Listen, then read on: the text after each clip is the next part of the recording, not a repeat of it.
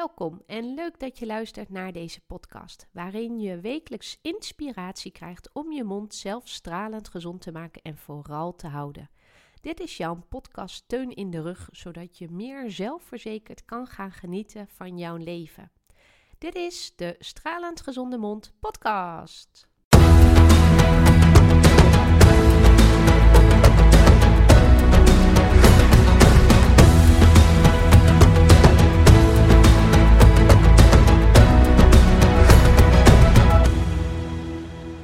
Het onderwerp van deze aflevering is perfect bestaat niet. Het is misschien wel een cliché, maar desondanks natuurlijk wel ontzettend waar. Misschien herinner je je nog wel dat ik uh, heel vaak uh, zeg, schrijf, plak is een never ending story. En de reden dat het een never ending story is, is dat op het moment dat wij klaar zijn met het weghalen van alle plak op onze tanden en kiezen, het proces gewoon weer van vooraf aan gebeurt. Het is een, een, een beweging die continu doorgaat, die we alleen af en toe even onderbreken en weer op nul zetten. En op het moment dat wij klaar zijn, gewoon weer verder gaat. En als je dus kijkt naar, naar die plakvorming, die plakvorming die continu doorgaat, ja, dan kan je toch gewoon zeggen dat perfect plakvrij niet bestaat. Het is volgens mij dus ook echt onmogelijk. En uh, perfect bestaat hierin dus ook niet. Ik geloof wel in groei en in beter worden. En hoe fijn is het om beter te worden zonder ziek te zijn?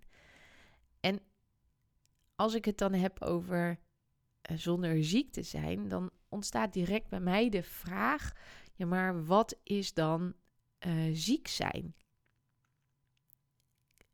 En ik vind het altijd makkelijker door te kijken uh, wat het dan niet is. Hè? En dan kan ik zeggen, met voor mij althans beter worden, is eigenlijk dus steeds meer plak verwijderen.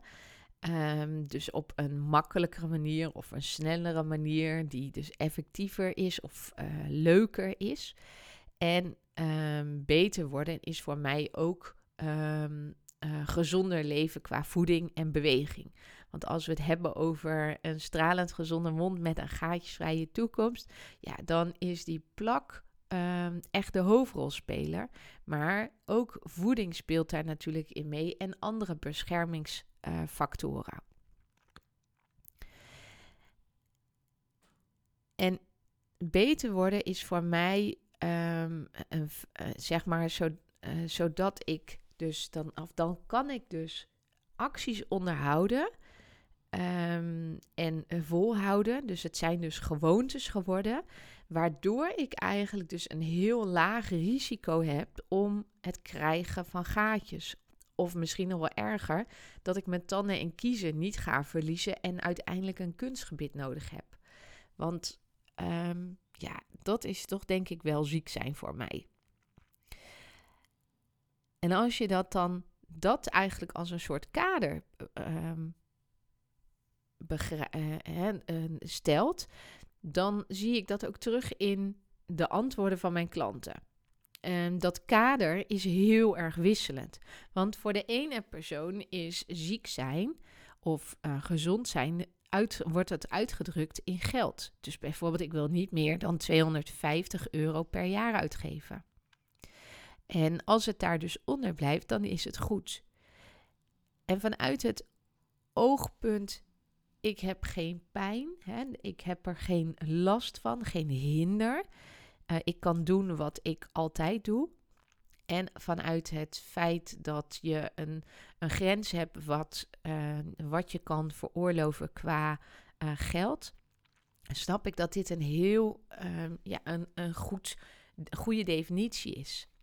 Uh, want hè, je kunt natuurlijk uitdrukken in geld uh, je gezondheid. Want als we het hebben over iemand die ongezond is, die zal gewoon meer geld uit moeten geven om in diezelfde fase te, uh, hè, datzelfde te kunnen doen. Dus hè, vanuit dat oogpunt vind ik het heel erg goed. Toch heb ik er altijd een beetje last van, want het is een beetje een vals positief beeld Want uh, misschien heb je eigenlijk wel veel meer nodig. Of uh, misschien is je mond wel ongezond, maar jij hebt er nog geen last van. Jij kunt nog steeds datgene doen wat jij wil uh, en geeft ook geen geld uit. En dus het is niet helemaal een, een eerlijk beeld. Het kan wel helpen, maar het is voor mij niet helemaal het juiste middel. Als ik dan nog eens kijk wat het uh, ziek zijn voor mij is, ja, dan is het eigenlijk um, de grens van um, uit zichzelf kunnen veranderen en een onomkeerbare situatie te zijn geworden. Dus als ik door mijn gedrag um, te veranderen beter kan worden, is er in mijn optiek nog geen sprake van ziekte. Ik begeef me dan zeker wel op glad ijs. Um, want als ik niks verander, dan is de groot hè, dat het doorschiet naar het moment dat ik het niet zelf meer kan oplossen of en dat er behandelingen nodig is. De schade is op dat moment dan zo groot dat er ingegrepen moet worden, um, dat het dus onomkeerbaar wordt. En um, zodra er dus ingegrepen moet worden om geen, hè, geen, dat verlies van functie uh, weer eh, terug te krijgen op het juiste niveau, ja, dan vind ik wel dat er sprake is van ziekte. En misschien denk je, ja, uh, leuk Loes, maar waar heb je het over? Ik zal nog eens een voorbeeld geven van in de mond. Tandsteen, tandplak, bloedend tandvlees zijn bijvoorbeeld signalen dat er wat aan de hand is in je mond. Um, het is sowieso een signaal van dat er iets aan de hand is met uh, jouw um, manier van je mond verzorgen. En op dit moment ben jij dus in mijn ogen nog niet ziek, maar je zit wel degelijk in de gevarenzone. Je zit ook letterlijk gewoon op de reservebank te kijken en je doet niks. En als je nu in actie zou komen, dan kan jij jezelf beter maken of ik kan mezelf beter maken. Misschien heb ik daar wel training voor nodig. Hè? Want als ik nu niet in staat ben om mijn mond goed te verzorgen, um, waarom zou ik dan, zou ik dan ineens uh, bij toverslag weten hoe ik mijn mond moet verzorgen? En dat ook op de goede manier te doen. Dus uh, waarschijnlijk heb ik training nodig voor de juiste acties.